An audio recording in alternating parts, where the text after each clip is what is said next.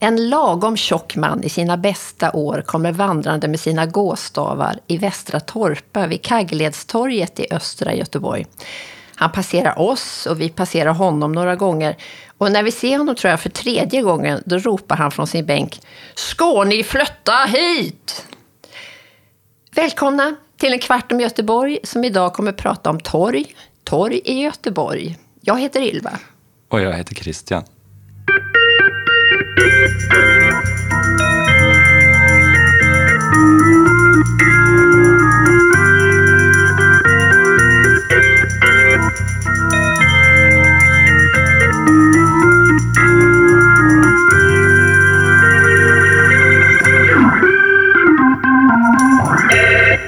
Vi har ju varit ute och besökt tre torg den här gången. Och mannen som satt i parken då och pratade med oss, han uppskattade verkligen Västra Torpa. Han tyckte det var trevligt med den här odlingen som den boende hade dragit igång. Det är liksom ett stort grönt rum kan man säga, som mycket träd, mycket gräsmattor, luft och fågelkvitter till och med i februari. Ja, det här är då en så kallad eh, grannskapsenhet och just den här enheten har väldigt höga utpekade kulturhistoriska värden.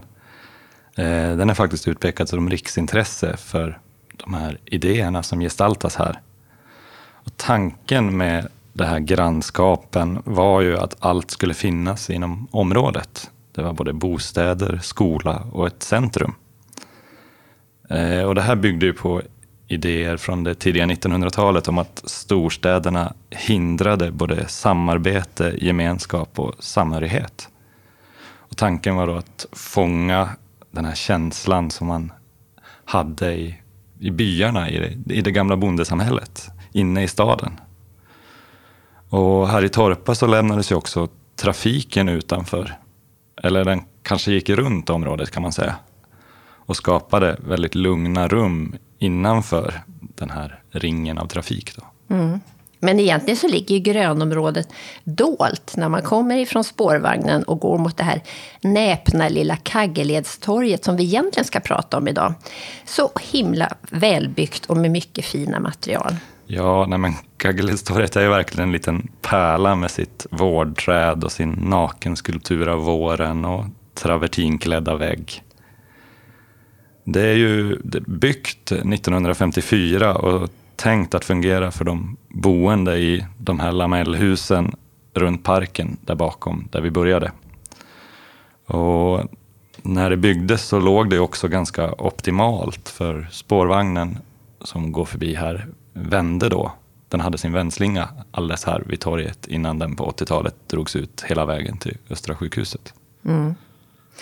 Ja, idag hade det nog varit helt slumrande kan man säga det här kvarteret om det inte varit för den här zoobutiken som ligger vid torget i en lokal som kanske en gång hyste en matbutik som kvarterets hemmafruar kunde köpa sin mjölk och sitt mannagryn ifrån. Ja, mannagryn, ja.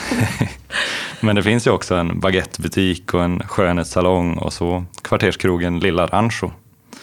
Men eh, att vara här så det väcker ju verkligen tankar om torgets funktion som offentlig plats, tänker jag. Ja, men för det är så här, vilken offentlighet får ta plats här egentligen? Är det de med finputsade skor? Eller är det Graningekängor? Eller är det foppatofflor?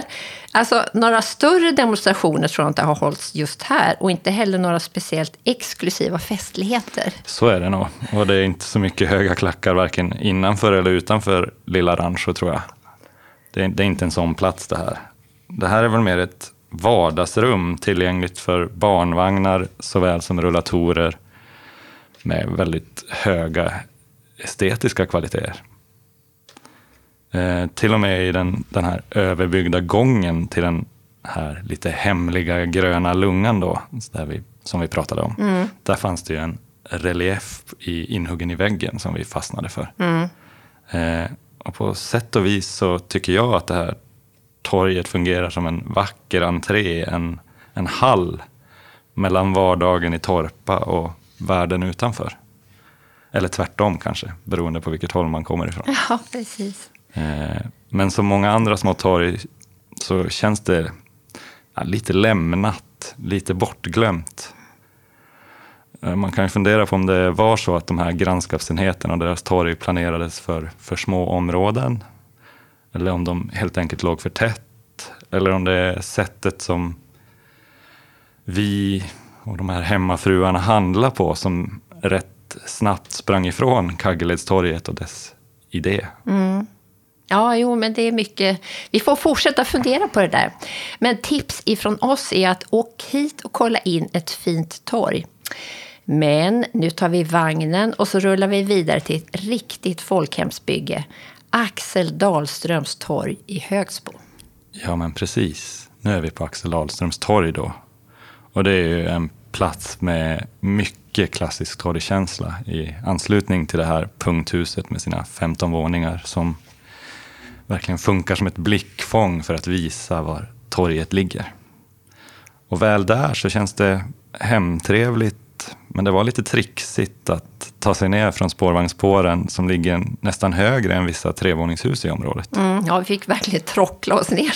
Ja, ja, men när man väl kommer ner så blir man ju lite glad över att finna det här bilfria torget som ritades av arkitekterna Sven Brolid och Jan Wallinder. Och de fokuserade här på rena ytor och funktionella hus, inga krusiduller. Men just det här torget, till skillnad från Torpa, det vänder ju ryggen mot spårvagnen och skapar väldigt tydliga baksidor. Här är det insidan som räknas. Mm, det är det verkligen. Och det här med att det är ett C-torg som man kallar det här. Om jag har fattat det rätt så är det alltså att det är både socialt, kulturellt och kommersiellt centrum. Och det har man ju verkligen här. Mm. Eh, pratar vi social kultur så har vi ju biblioteket. Mm, vilken pärla. Som förutom böcker bjuder på alla möjliga aktiviteter för olika åldrar. Det fanns barnteater, eh, studiecirklar om 10 000 år av Högsbo och Rudalens lokalhistoria. Och så har vi estetiken på den här fasaden med en magnifik marmorintarsia av Endre Nemes. Eh, och så har vi social kommersiell verksamhet. Det finns fysiska butiker. Det var ju Ica och det finns mysiga bagerier, klädbutik, cykelaffär, loppis, gym, begravningsbyrå. Ja, du kan stanna hela livet där. Gå på apoteket, köpa dig en pizza och så till och med bli lite snygg för nu fanns en nyöppnad skönhetsbutik i hörnan där som jag tror rymde en garnbutik för bara några år sedan. Ja, många, många butiker. Mm. Och sen hade vi också de här eh, lokalerna som låg lite bortanför torget. Mm. Som låg nästan som tripp, trapp, trull efter varandra. Där hade vi ett skomakeri och salongen Fri Stil och salong Henriette. Som hade en skylt med typsnitt från, ja, jag gissar 60-tal på den. Ja. Eh, men jag tänkte när det gäller den här intarsian du pratade om mm. på torget. Mm. Så har jag hört att den inte var helt uppskattad när den invigdes 1955 efter att stenarbetarna då hade lagt 7500 arbetstimmar på att färdigställa den. Okej, låter mycket. Ja, men berätta. Ja, nej, men först när den skulle avtäckas så möttes den av tystnad. Mm. Sen kom det några spridda applåder. Och det sägs också att vissa bara ska ha tittat, vänt sig om och gått därifrån. A sad story, verkligen. ja. Men idag tror jag folk tycker om den. Eh, det har till och med tillkommit ännu ett konstverk här på det här torget som heter Ur väggen utav Yvonne T Larsson. Och de här geometriska vinklarna som hennes konstverk rymmer, de ska vara inspirerade utav Endre Nemes vägg. Eh, men du reagerar på en annan byggnad, det var den här sopsorteringen som finns här. Varför? Ja, men det gör man väl nästan alltid. men, eh, jag tycker att den stängde av torgets öppenhet ännu mer. Och så, den låg i vägen för att överblicka torget när mm. man som vi kom ner från spårvagnen. Mm. Eh, den stänger också av torget från de butiker som ligger i det så kallade cykelhuset. Och så tyckte jag faktiskt att den här roströda plåten som är väldigt populär den passade inte riktigt in i Brolids och Wallinders välgestaltade helhet. Mm. Och nu finns ju också planer på att ICA här på torget ska bygga ut sin butik. Vi får väl se hur det blir framöver. Mm. Ja, man kan säga att det hänger ihop med att Högsbos befolkning växer så det knakar. Vi såg ju flera nybyggda hus där folk kan bo vitsipsnära. Och behovet av mat kanske bidrar till att de här andra butikerna som fanns kring torget överlever. Och så har vi den här bankomaten som finns kvar här, man kan ta lite äkta pengar. Men eh, nu åker vi vidare. Yes.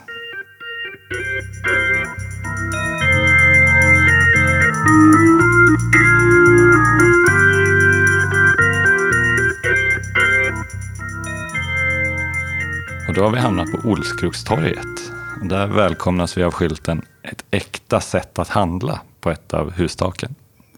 Äkta och lite fult kanske, men herregud vilket utbud. Mm. Eh, alltså vilken halvt avfolkad Norrlandstätort som helst hade ju varit grön av avund över det här. Riktiga fisk och köttbutiker i det som ska, tror vi, efterlikna äldre fiskarstugor där på torget. Och sen har vi en ostdisk som en äkta fransman håller ögat på och Systembolaget finns också och ett bra fik som Kumpane som en gråmulen februaridag bjöd på både gott kaffe och en ljuvlig semla. Mm. Nu låter vi som värsta säljpitchen här för Olskroken. Men det är verkligen en bra butiksblandning i den här 80-talsbebyggelsen runt torget. Mm. Där man ju har försökt ge lite mänskliga dimensioner på bebyggelsen. Det är inte bara huslimper som fanns i motsvarande nybyggnadsområden, då Masthugget, Annedal och Landal. Här har man ju till och med bebyggelsen vid torget utökats med men typ i alla fall en spansk trappa av trygg impregnerat trä. Kanske inte det mest estetiska vi har sett, men så himla mysigt det måste vara när solen visar sig här. Ja, precis. Nej, men det hänger lite mer, jag tänker på Angereds torg när vi är här. Mm. Eh, och jag tyckte också det var kul när vi gick in på gatorna bakom. Alltså alla de här skrädderierna som fanns där. Mm. Eh, och så fanns det det där gubbdagiset som gjorde tydlig reklam för billig dagens rätt som man också fick ta med hem. Mm. Ja. Eh, ja, det är verkligen mysiga och det är lättillgängliga rullatorkvarter det här kan man säga. Rullatorvänliga ja. Ja, men sådär, det funkar för alla, alla allt med hjul som rullar här. Yes. Eh, men du berättade att historien har sett annorlunda ut. Att här ägde den hittills längsta och största hyreskonflikten rum i Sveriges historia. Ja, men precis. Den så kallade Olskrokskonflikten höll på här under ett helt år från 1936 till 37. Det var ju så att massvräkningar hotade 600 personer. Men när fastighetsägarna kom för att genomföra de här vräkningarna så hade flera tusen människor anslutit sig till striden och fanns på plats för att förhindra de här vräkningarna. Mm. Så ägarna tvingades backa mm. och ja, konflikten fortsatte. Och några år senare så kom ju en ny lagstiftning som gav oss det här systemet med hyresnämnder för att lösa liknande konflikter. Men den här gången på 30-talet så vann Hyresgästföreningen och den boende en seger med helt andra metoder. Och de flesta familjerna fick flytta tillbaka och reparationerna som behövdes fick ägarna betala utan att höja några hyror. Mm. Så gick det till på 30-talet. Eh, och det här kan man säga utspelas ju i det gamla, nu rivna Olskroken. Eh, där torget inte låg där det ligger idag. Men det äkta sättet, eller vad vi nu ska säga, ja, verkar ha överlevt Om vi ska tro på skylten. Ja, precis. Om vi ska tro skylten. I alla fall när det gäller, eh, kommer till konsumtion. Eh, torget som idé kanske inte är så knutet till den här fysiska platsen utan mer till någon slags tradition. Eh, det fanns torghandel här en gång i månaden som är kvar och en staty som prydde torget från slutet av 1800-talet den står ju nu framför kyrkan, Sankt Pauli, där, eh, lite längre upp på Redbergsplatsen. Eh, och även i närheten av det här torget finns ju en sån här grön lunga. Och visst är Gubberoparken ett av dina favoritområden i Göteborg, Christian? Ja, nej men eh, ett av dem i alla ja, fall. Jag ska inte vara så selektiv. Här låg ju då herrgården Gubbero från 1700-talet som revs i början av 1930-talet. Eh, den har ju också gett namn till det här området. Då. Men när den revs så upprättades en helt ny stadsplan av två rätt tunga herrar, får vi säga. Det var Göteborgs dåvarande stadsarkitekt Sten Bransell Och så var det Göteborgs funktionalismens förgrundsgestalt, fader, vad ska vi kalla honom, mm. Uno Åhrén. Som också några Pater år senare... och noster. Ja. ja. och han vart ju också, några år senare kom han ju att dela den här stadsarkitekttiteln med Bransell. Mm. Arbetet här påbörjades 1937, före andra världskriget då, och sen byggde de ända, ända fram till krigsslutet 45. Och ska man förklara det här området så är det ju, det är ju lamellhus i det för Göteborg, så typiska gula teglet. Och de är formade kring en stor, stor park. Mm. Eh, och hela området ingår ju i kommunens bevarandeprogram. Och, men vi pratade om det när vi gick här, att det ger en verkligen en stadsmässig känsla.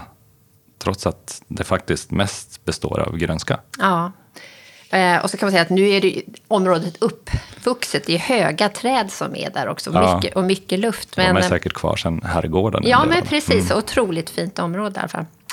Eh, ja, jag tycker det är spännande att fundera varför just Olskroken funkar så väl. Alltså det kanske inte är det finaste torget, men folk verkar handla och vara här som vi gjorde före varuhusens tid och hemlevererade matens tid. Har vi något svar på det egentligen? Nej, det har vi väl egentligen inte. Alltså inte annat än den här långa traditionen och att man faktiskt verkar satsa på det här sättet. Mm. Om det då är äkta eller inte, det låter jag vara osagt. Mm. Men det känns verkligen levande. Och man, som man tänker sig ett torg i sitt huvud, men som få faktiskt fungerar idag. Mm. Eh, och det här är lite intressant, för högre upp på Redbergsvägen så ligger den här finska pingstkyrkan som huserar i ett byggnadsminne som heter biografen Flamman som är ritad av den här samme Sten Bransell 1935 som gjorde stadsplanen för hela området. Eh, mm. Och jag minns ju att i källaren på, i det här huset så låg det under många år en lite halvsunkig loppis där man kunde där de sålde udda porslin och gamla serietidningar, kläder, allt möjligt. Ja, allt sånt där man behöver. Ja. Ja, men nu så sålde de soppa och i våningen ovanför så har det blivit House of Gospel som tycks vara ett slags koncept som riktar sig till, citat som du läste på fasaden, ja. alla nationer och generationer. Så det var en slags mix utav finska pingst, arabisktalande allianskyrkan och Göteborgskyrkan. Eh, så att här kan man ju verkligen tala om en mötesplats för integration som tycks hänga med i förändringen när nya människor kommer till stan. Ja, verkligen. Och jag tycker Olskroken och Olskroktorget överlag är en av de platserna i Göteborg som trots många förändringar alltid verkar hitta sig själv i det nya och landa på fötterna. Mm. Alltså bara själva torget har ju flyttat på sig minst tre gånger. Det kan man ju fundera över. Ja, precis. Ja, men jag tror faktiskt det här får vara nog för idag. Vi får sluta här. Ja, det får vi göra. Och så kom, lär vi återkomma till det här temat torg i Göteborg. Jag säger mm. tack för att ni har lyssnat. Ja, tack för mig också. Vi hörs.